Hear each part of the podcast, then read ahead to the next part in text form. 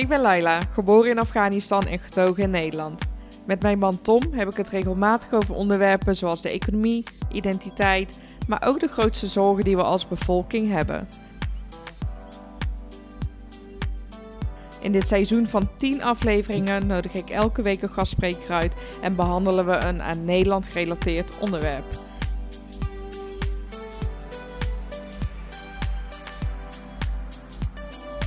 Welkom bij Nederkast, ga mee op reis en laten we Nederland samen ontdekken.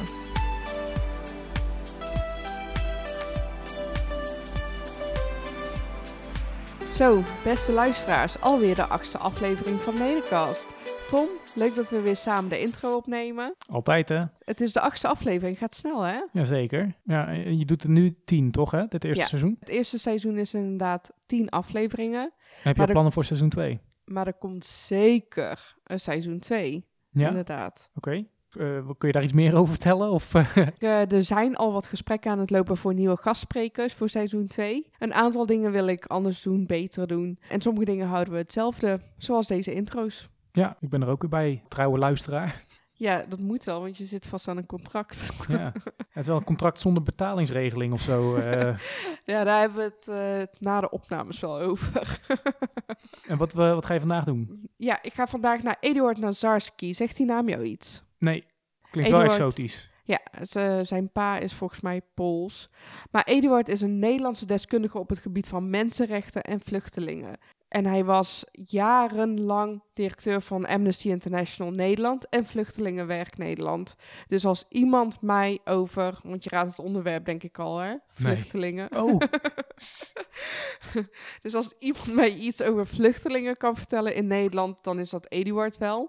De reden dat ik dit onderwerp heb gekozen is natuurlijk omdat ik zelf een vluchteling ben. En als er ergens ontzettend veel negativiteit overheerst, dan is dat wel over vluchtelingen in Nederland. Dus ik ben ontzettend benieuwd wat hij mij te vertellen heeft. ik ook. Eh, dat eh, moet haast wel een interessant gesprek eh, worden. Ja, ik heb er zin in. En hij klonk in ieder geval super vriendelijk aan de telefoon. Nou, ik ben benieuwd. Ja, ik ook. En hij woont in een van de leukste steden van Nederland. Kaam? Nee, Kamer is geen stad. Oh nee, dan weet ik het niet. Utrecht. Oh, oh die. Tot straks. Yo, later.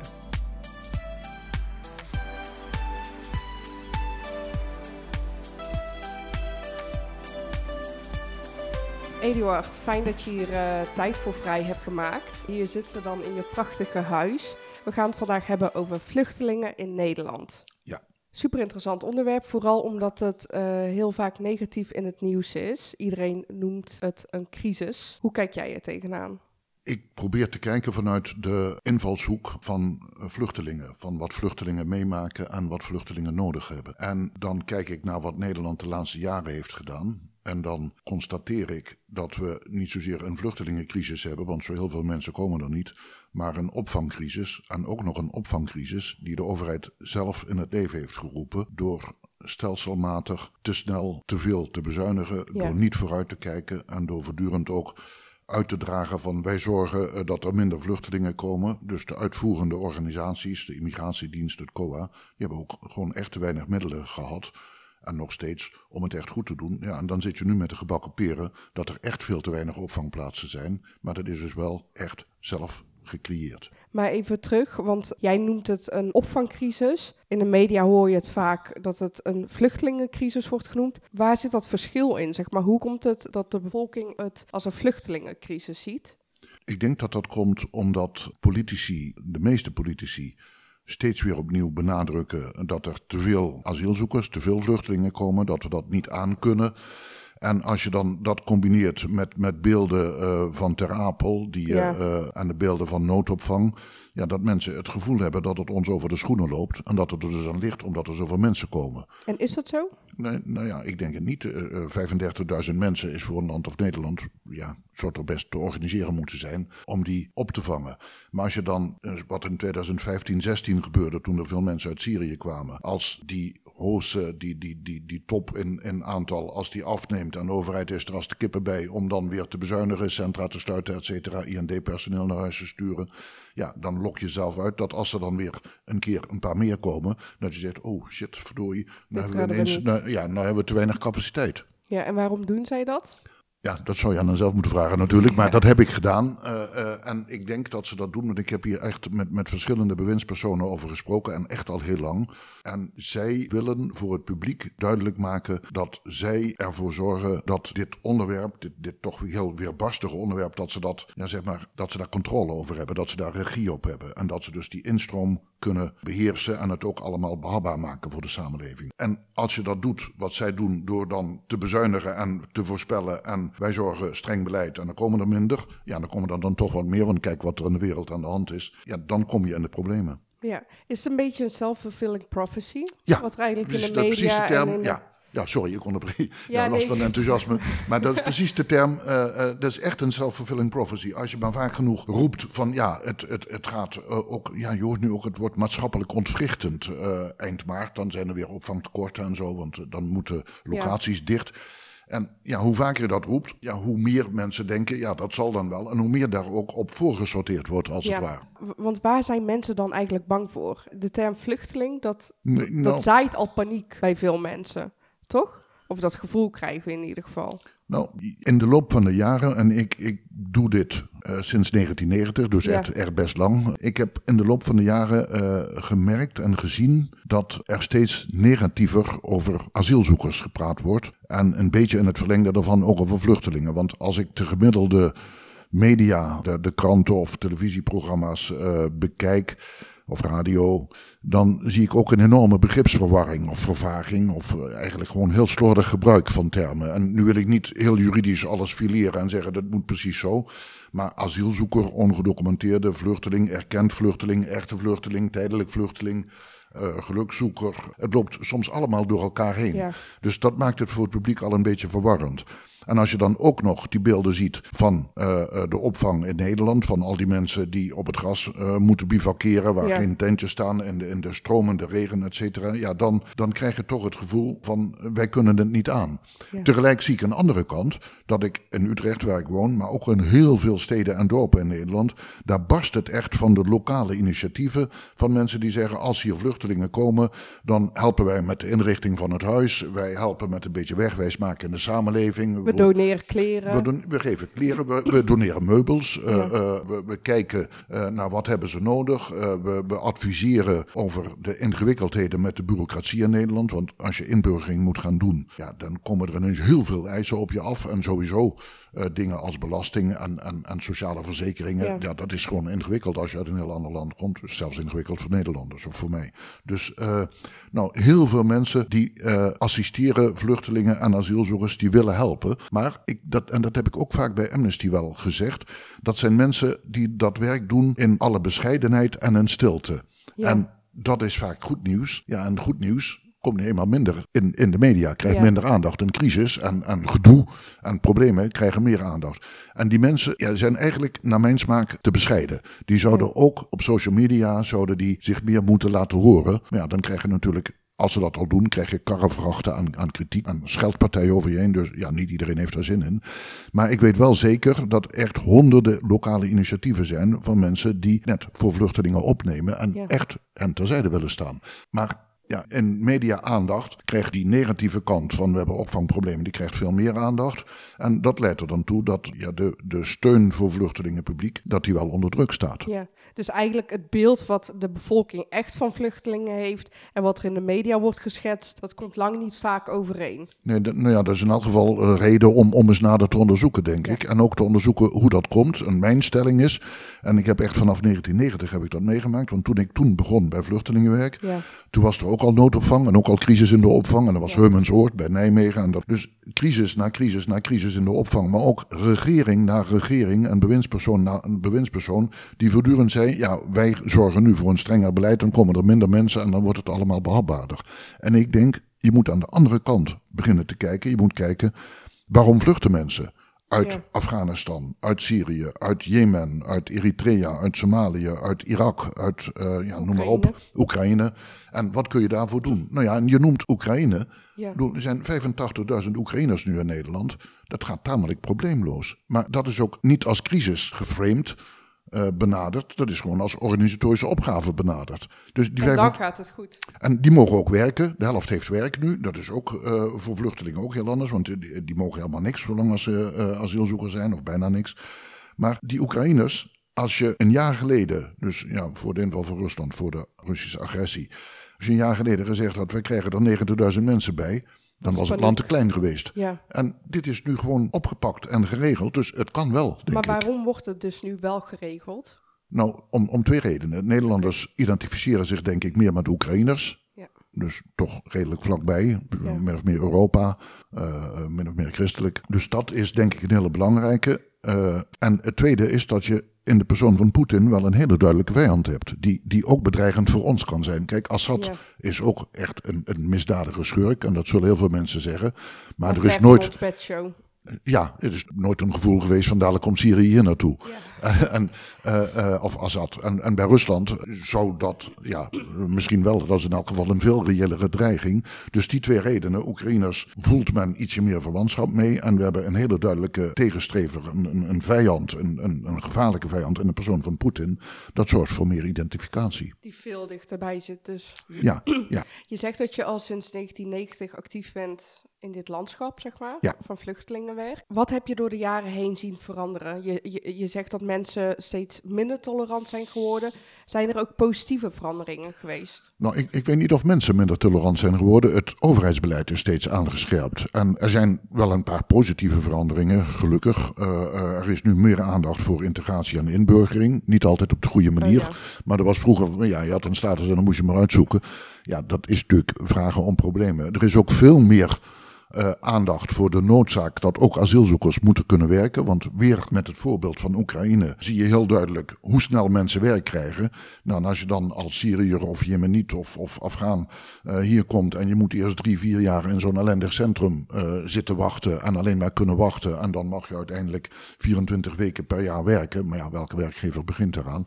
Eh, dan word je dus als het ware extra beschadigd in die opvang. En dat is natuurlijk niet goed om, om, om werk eh, te kunnen vinden. Mensen hebben hospitaliseringsverschijnselen doordat ze veel te lang in afhankelijke positie in de opvang blijven. Daar is gelukkig meer aandacht voor. En ik verwacht dat dat ook wel gaat veranderen binnenkort. Dus dat mensen meer op hun initiatief aangesproken worden. Want ja, je zou nu maar de reis vanuit Syrië, vanuit Afghanistan, vanuit Jemen hier naartoe gemaakt hebben. Is natuurlijk heel raar dat mensen die zoveel initiatief en zoveel dilemma's en moeilijke beslissingen om, om hier naartoe, eh, om hier uiteindelijk aan te komen, dat, dat je dan die mensen dwingt tot niks doen en dat dan het COA activiteiten voor maatschappelijke activering gaat doen. Ja, want vaak zijn dat ook trouwens, denk ik, de mensen die welvarend waren in hun land. Die een hoge opleiding hebben genoten. Ja. En die dus een goede baan hadden. Want anders zouden ze ook niet zo snel, zo makkelijk, of zo makkelijk, zo snel kunnen vluchten, toch? Nee, het zijn vaak Zouden mensen we met. niet juist moeten juichen om die mensen, gezien ons de arbeidskort Ja, in Nederland? Ja, nou ja, het arbeidstekort is natuurlijk echt enorm. Elke werkgever zucht en kreunt. Eh, ik kreeg vanochtend nog een appje van iemand, kun je niet helpen met een vacature zoeken? Want ja, we hebben... nee, nou ja, iemand die dan zegt, in een, in een NGO weliswaar, maar die dan zegt, ja, we hebben die advertentie, maar we krijgen eigenlijk nauwelijks reacties. Wat Ja. denk jij daarvan? Ik dacht, moet je meer gaan bieden, maar ja, dat, dat, even, dat even terzijde. Maar de, de arbeidsmarkt ja, is, is echt enorm gespannen, er is een tekort. We hebben heel gekwalificeerde mensen die ook nog eens graag willen. Want wat ik echt van heel veel vluchtelingen heb gehoord, is dat ze absoluut niet kunnen begrijpen dat ze niks terug kunnen doen voor de samenleving. Dat ze niks mogen. En na ja, jaren op de rand van je bed zitten, is voor niemand goed. Eh, dus ja, dat schreeuwt inderdaad om ander beleid. Eh, tegelijk moet je een beetje voorzichtig zijn. eh, want vluchtelingenbeleid is geen arbeidsmarktbeleid. Dus je moet niet gaan zeggen, als je dan over een paar jaar misschien minder arbeidskrachten nodig zou hebben, eh, dat je dan geen vluchtelingen meer toelaat. Want bij vluchtelingenbeleid gaat het erom bescherming te bieden, internationale bescherming in Nederland, aan Ja. mensen die de bescherming verdienen. Ja, en niet om arbeidsposities op te vullen. Nee, maar ja, je hebt nu een potentieel van tienduizenden asielzoekers die, die in Nederland zijn. En ik zou zeggen, ja, go for it. En, en begin eraan en zorg dat je die mensen met werkgevers in contact brengt. Maar moeten die mensen niet ook om veiligheidsredenen, moet het niet uitgepluist worden van welke mensen hebben we voor ons staan en wie zijn dat precies? Want daar heb je ook niet alle weet van, toch? Nee, natuurlijk niet. Nee, nee, je moet wel, wel gericht kijken wat, wat, ja, wat, eh, eh, wat kun je, wat wil je en, en ook welke kwalificaties heb je je. Want Maar ik bedoel meer, kijk, zo iemand kan door de oorlog geschaad zijn. Die, Ja. komt, eh, die komt hier in Nederland, die vraagt asiel aan. Kan je die persoon zomaar ergens laten werken? Dat kan toch niet? Je moet toch eerst kijken of die persoon ook mentaal in staat is om te werken. Of die niet een bedreiging voor zichzelf en zijn omgeving vormt. Ja, Hoe zie je moet- dat? Nou ja, er zijn natuurlijk mensen met hele zware traumatische ervaringen. Ja. Mensen die zelf gemarteld zijn. Mensen die zien hoe, die gezien hebben of ervaren hebben hoe hun directe gezinsleden eh, gemarteld zijn. Die de oorlog zijn ontsnapt. Die de vallende bommen, de, de gif, gifgas en, en de vatenbommen van Assad en, en, eh, hebben weten te vermijden en hebben overleefd. Nou, dan moet je niet verwachten dat hier eh, probleemloos ineens eh, allerlei dingen gaan doen. Maar van de andere kant, je moet het ook niet overdrijven. Als mensen op hun, als hun initiatief gehonoreerd wordt en, en ze worden aangesproken op de dingen die ze kunnen in plaats Ja. op de dingen die ze niet kunnen, dan kunnen ze veel sterker vooruit. En uiteraard moet je matchen of moet je goed kijken van, ja, wat, wat is het voor iemand, wat kan die, waar moeten we misschien extra aandacht aan geven? En zijn er hier in de buurt eh, waar iemand woont, zijn daar werkgevers waar je iets mee kunt of Ja. die, die daar belangstelling voor hebben. Maar ja, als ik nu zo kijk waar tekorten zijn, en bijvoorbeeld in de zorg, dan denk ik, ja, dan moet je natuurlijk wel eh, goed kijken. Maar ik denk dat er heel veel mensen zijn die in de zorg zouden kunnen assisteren. En het gaat natuurlijk ook om, als je eh, kunt beginnen met meedoen, dan kun je Ja. natuurlijk ook op de werkplek kun je verder leren. En uiteraard moet je goede begeleiding hebben. eh, maar er ligt echt een enorm potentieel. Hoeveel vluchtelingen hebben we? Hoe, hoe heeft dat er afgelopen tiental jaren uitgezien? Nou, om te beginnen heb ik in. Dat misschien een uitgebreid antwoord, maar, maar eh, probeer maar. Om te beginnen eh, heb ik in de loop van de jaren gezien dat er verschillen, verschuivingen komen in vluchtelingen. Wat we in de jaren 80 en 70 zagen, is dat veel Latijns-Amerikaanse vluchtelingen uit Chili, uit Argentinië, verschrikkelijke dictaturen toen ook. En er kwamen mensen die werden soms uitgenodigd, die kwamen soms, nou, die werden opgevangen. Toen eind jaren 80 kwamen mensen van, van, van verder weg en van andere landen. Bijvoorbeeld Tamils uit Sri Lanka, bijvoorbeeld mensen uit Iran, eh eerste mensen uit Afghanistan. Eh, Dus dat was, dat was echt totaal anders, ook voor het publiek en voor de bevolking. En vervolgens zie je dat sommige brandhaarden zie je wel veranderen. Oekraïne bijvoorbeeld, ja, had je tot twee jaar geleden natuurlijk nooit gedacht. eh, tot een jaar geleden misschien ook niet dat er zoveel mensen nu, dat, dat daar zo'n afschuwelijke oorlog zou komen. Dus je ziet het deels veranderen, maar deels ook hetzelfde blijven. Afghanistan levert, als je dat zo cynisch mag zeggen, echt al, al, al, al 30 jaar eh, eh, veel vluchtelingen. Ja. Dat geldt ook voor Irak, want ook de inval in Irak om Saddam Hussein weg te jagen heeft natuurlijk niet geleid tot een heel stabiele situatie daar. Eh, dat geldt ook voor Jemen, waar een verschrikkelijke oorlog is, waar, waar, waar wij ons eigenlijk, of eh, ja, die, die niet heel veel in het nieuws is, maar waar je wel mensen vandaan ziet komen. Dat geldt ook voor Turkije, ja, nu met de aardbeving, maar daarvoor eh, de onderdrukking door Erdogan van, van echt honderdduizenden mensen gearresteerd en, en, en mensenrechtenbeleid echt van likmevesje of echt schandalig. Dus heel veel mensen, heel veel Turken, heel veel Koerden die daar ook niet veilig waren. Dus je ziet wel een aantal toplanden, min of meer Ja. eh, constant, helaas. Somalië, Ethiopië, Eritrea. Ja, dat zijn landen waar, waar, waar veel mensen vandaan komen. Maar hoeveel mensen komen er binnen? Hoeveel mensen mogen er blijven? Eh, waar hangt dat vanaf? Eh, worden ze dan teruggestuurd? Er komen gemiddeld ongeveer, ja, gemiddeld is moeilijk te zeggen, maar de, afgelopen jaar zo'n 35.000 asielzoekers, asielverzoeken. Dat schommelt een beetje. Dat maakt het organisatorisch best lastig, omdat ja, het ene jaar zijn het er meer dan het andere jaar. En daar moet je dus als, als overheidsorgaan, moet je met die, die schommelingen eh, moet je om kunnen gaan. Dat is ook een reden dat er echt een buffer zou moeten zijn in opvangcapaciteit. Ja. En niet dat er meer komen dat je zegt, oh verdorie, ja, dan moeten we ineens eh 5000 plaatsen extra. Ja. Je moet gewoon wat buffer hebben. Eh, en dat is al heel lang duidelijk, maar ik geloof dat hij er nu wel, ja, dat men wel gaat beseffen dat dat eraan moet komen. Dus laten we zeggen 35.000 mensen per jaar. Dat is al heel lang zo. Grofweg krijgt de helft van die mensen een verblijfsvergunning. Of die mensen blijven, dat wordt dan weer minder geregistreerd. Of althans, daar heb ik eh, zeker niet paraat, dat weet ik niet zeker. Maar er zijn in de loop der jaren wel honderdduizenden, een paar honderdduizend mensen als asielzoeker gekomen. En die zijn als vluchteling gebleven. En die dragen nu gewoon bij aan de samenleving. En Ja. er is verder weinig omkijken eh, naar. Behalve sommige groepen. Nou, of groepen moet ik niet zeggen, maar sommige nationaliteiten, zoals Somaliërs, waar, waar wel heel grote werkloosheid eh, heerst. Een van de problemen die wij heel duidelijk zien nu eh, in Nederland is dat mensen die asiel aanvragen en afgewezen worden, dat die of niet teruggaan of dat het niet lukt om die terug te sturen, maar dat die in elk geval blijven. Hoe kan dat dan? Nou ja, als je uit een land komt, bijvoorbeeld uit China, Ja. eh, een, een land dat helemaal niet wil meewerken aan het terugnemen van afgewezen asielzoekers, ja, wat moet je dan doen? Je kunt die mensen moeilijk met een parachute boven China eh, uit laten stappen en zeggen, nou ben je er. Ja, dat, ja sorry, misschien wat cynisch beeld, maar dat, dat gaat natuurlijk niet. Ja. En het asielbeleid is heel streng, maar sommige landen werken gewoon niet mee Ja. aan, aan, aan het terugnemen van asielzoekers. Dat speelt al jaren, echt al heel veel jaren, want in, in de jaren negentig al eh, was ik betrokken bij een project eh, gefaciliteerde terugkeer van afgewezen asielzoekers. En toen bleek ook al dat toen bijvoorbeeld Ethiopië, Eritrea, die zeiden gewoon ja. We hebben zoveel problemen hier met onszelf, die paar honderd mensen Ja. van jullie. Ja, zoek het zelf uit, maar daar gaan wij niet aan meedoen. Nou, en daar zijn dus achterin bewindspersonen ehm, zijn daar te weinig van doordrongen, denk ik. eh, hoe belangrijk het is om op gelijke voet met die landen in een ja, gedecoloniseerde verhouding, want dat, dat krijg je dan toch nog als snel, maar te praten over, ja, we hebben hier een probleem dat mensen hier niet kunnen blijven, maar wat kunnen wij dan doen? En wat kunnen jullie doen? Wat hebben jullie nodig om die mensen terug te nemen?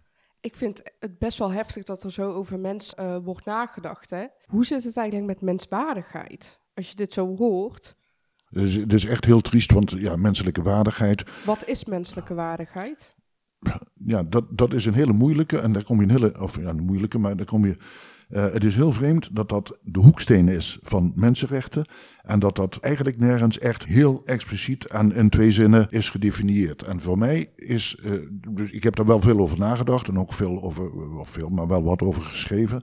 Maar vooral veel nagedacht en, en ook gesproken wel. Menselijke waardigheid is voor mij dat een individu haar of zijn leven inricht zoals zij of hij dat wil. En dat je dan ook rekening houdt met anderen, maar dat je idealen over je opleiding, over je werk, over de manier waarop je met anderen omgaat, over dingen die je wilt bereiken, dat je dat wil doen en dat je dat kunt doen op je eigen manier. Dat betekent dat jouw menselijke waardigheid kan anders ingevuld worden dan de mijne. En dan is het zaak eh, dat wij wel over de, de punten waar het elkaar raakt of misschien botst, dat we daar gewoon over kunnen praten. En dat je mij niet de kop gaat inslaan omdat ik er net wat anders over denk en andersom ook niet. En, maar menselijke waardigheid dus als, als, ja, als, als individuele ambities, eh, eh, wensen, eh, de manier waarop je je leven wil inrichten. En ja, voor veel mensen in andere landen is dat eh, Geen keuze, toch? Nee, is geen keuze. keuze Is, is het eten. Ja. eh, eh, en we willen genoeg eten en schoon drinkwater en een beetje basale gezondheidszorg. Ja, hier in een welvarend land als Nederland heb je een, een veel eh, uitgebreider keuzemenu voor wat je allemaal kunt doen. Maar als je het zo zegt, dan hebben die mensen een lagere menswaardigheid, toch? Maar dat is dan toch ook niet zo? Die mensen die moeten in basisbehoeftes eerst voorzien. Ja, maar kijk, in, in, in de mensenrechten geldt heel erg eh, wat de eerste zin van het eerste artikel van de Universele Ver- eh, Verklaring voor de Rechten van de Mens is. Is nu 75 jaar geleden eh, aangenomen. Ieder mens wordt vrij en gelijk in waardigheid en rechten geboren. Precies. En dus vrij, gelijk, waardigheid, rechten. Die waardigheid staat voor rechten, want die rechten zijn er om die waardigheid te, te borgen, te scharen. Maar hoe je dan die waardigheid definieert, ja, dat is dan weer het leuke. Dat moet iedereen zelf.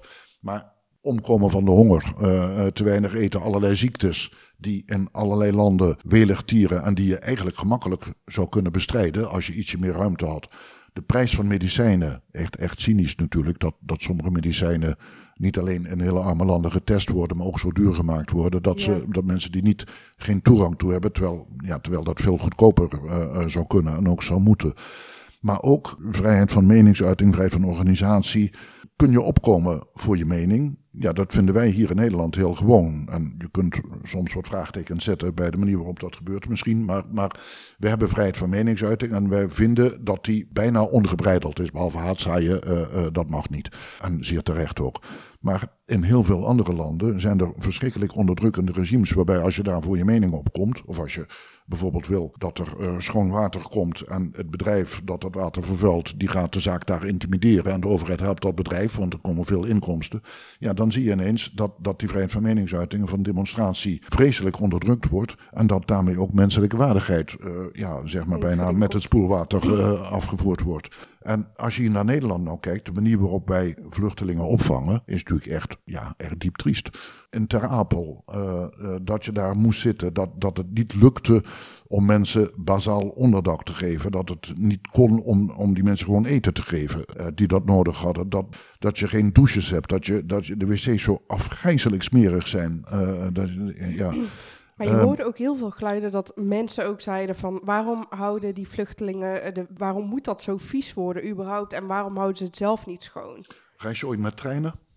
Wat zei je? Reis je ooit met de trein? Ja. Nou, ja, daar zie je een beetje hetzelfde.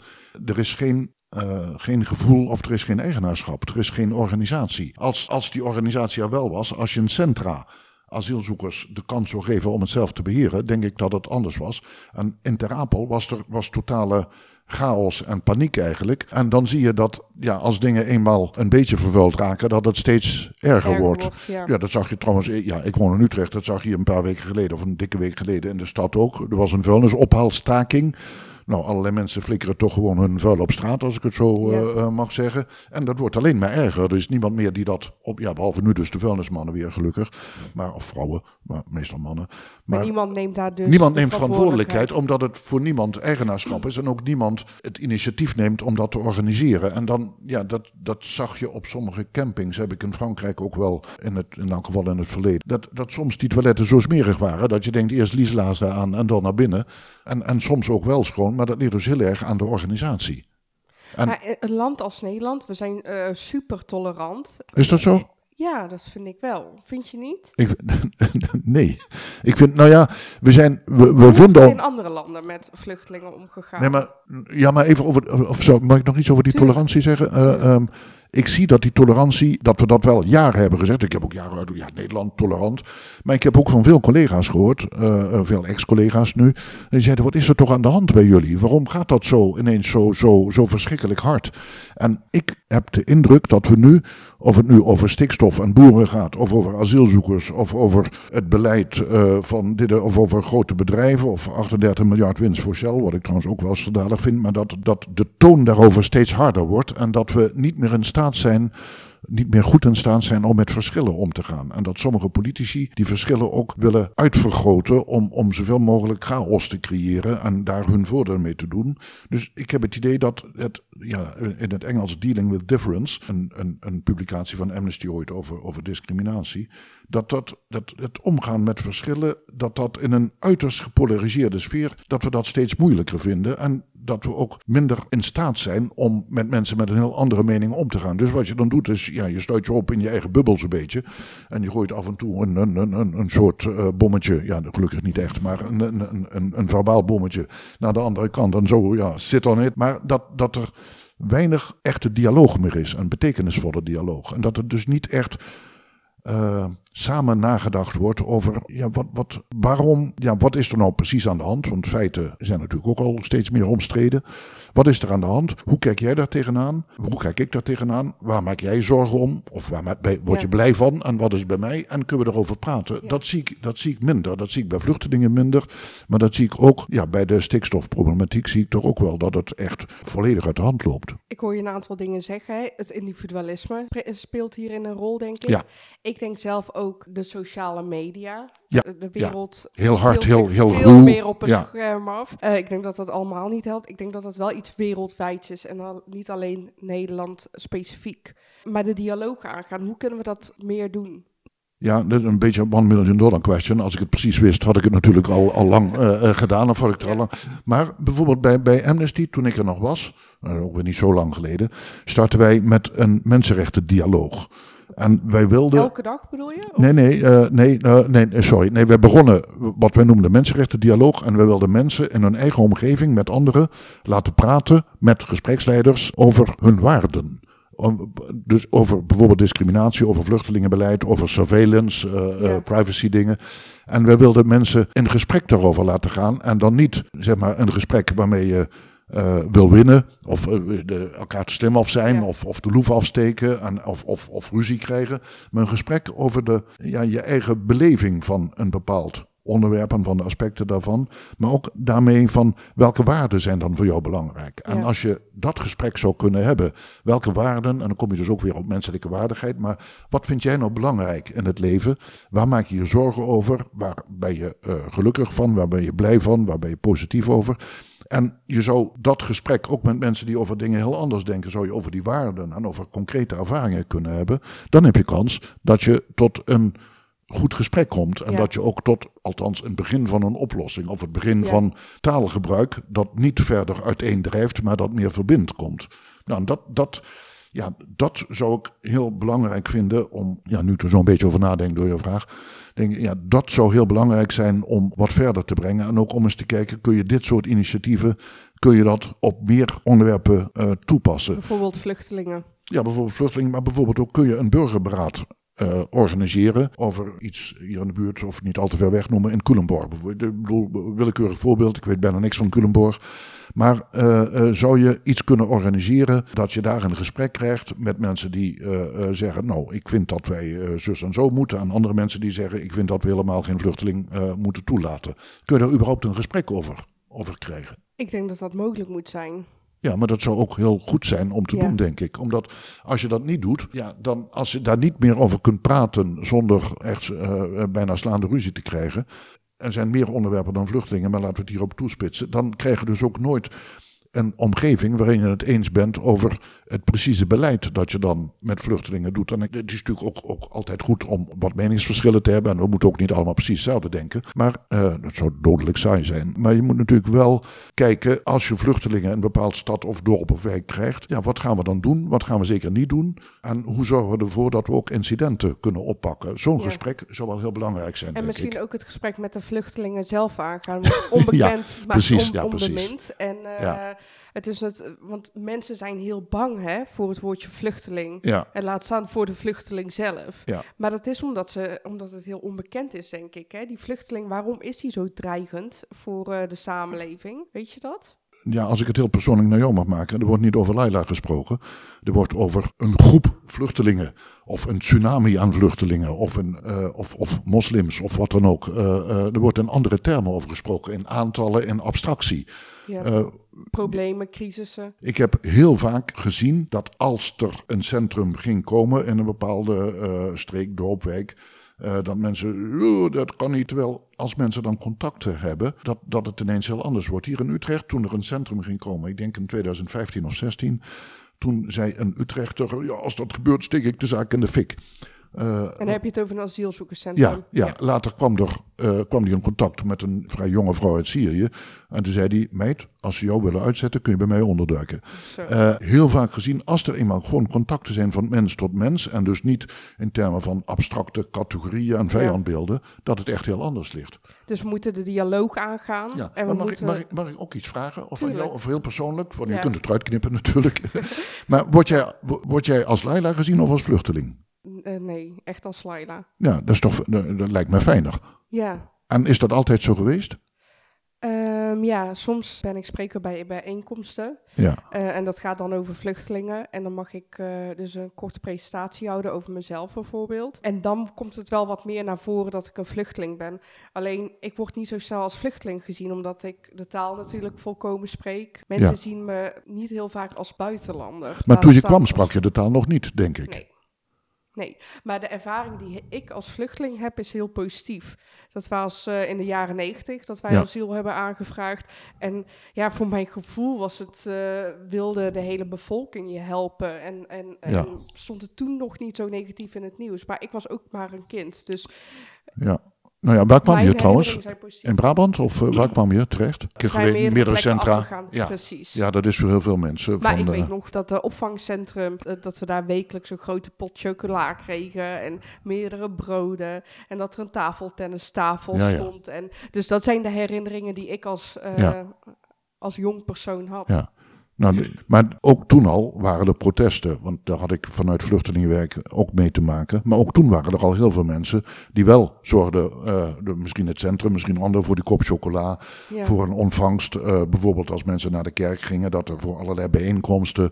En dat er contacten waren. Dat mensen organiseerden dat, dat eh, vluchtelingen kwamen eten. En, en dat je op die manier contacten opbouwde. Dat er Is het groepje in Nederland wat dus zo'n negatief hard stemgeluid heeft over vluchtelingen, is dat denk je een klein groepje? Nou, de mensen die heel hard roepen, dat is een klein groepje. Ja. Maar er zijn wel eh 30, 40 procent of zo die, eh, eh, die wel vrij negatief staan ten opzichte van vluchtelingen.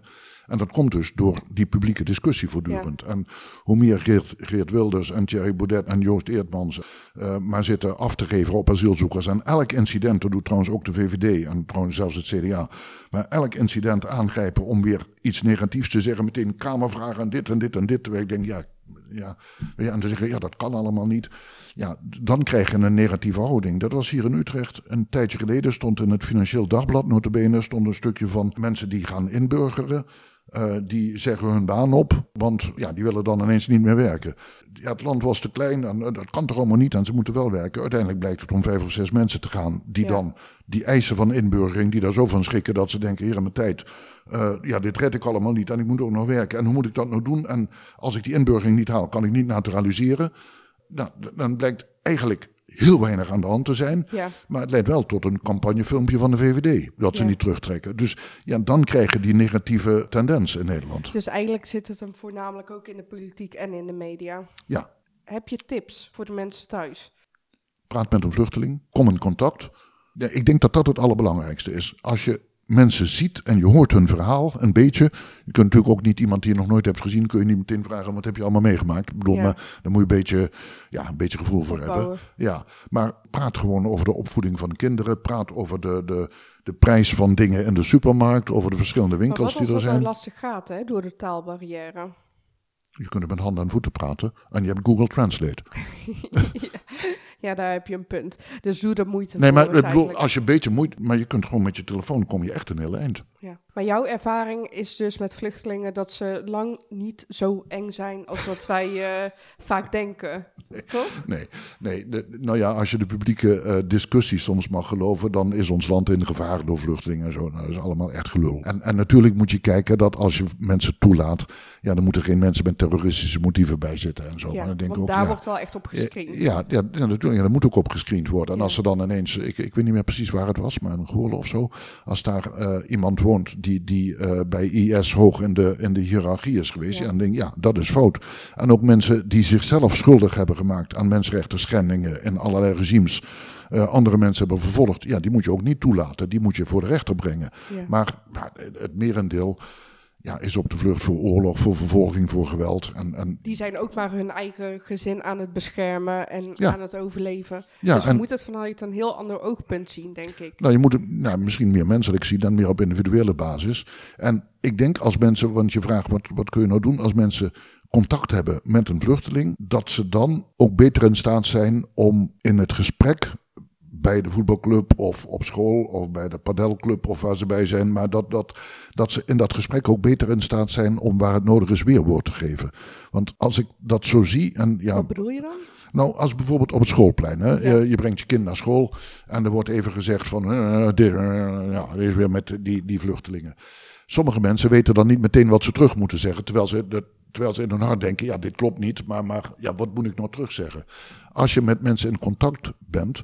dan kun je in elk geval vanuit die ervaring... kun je een paar dingen zeggen van... oh, ik ken toch iemand...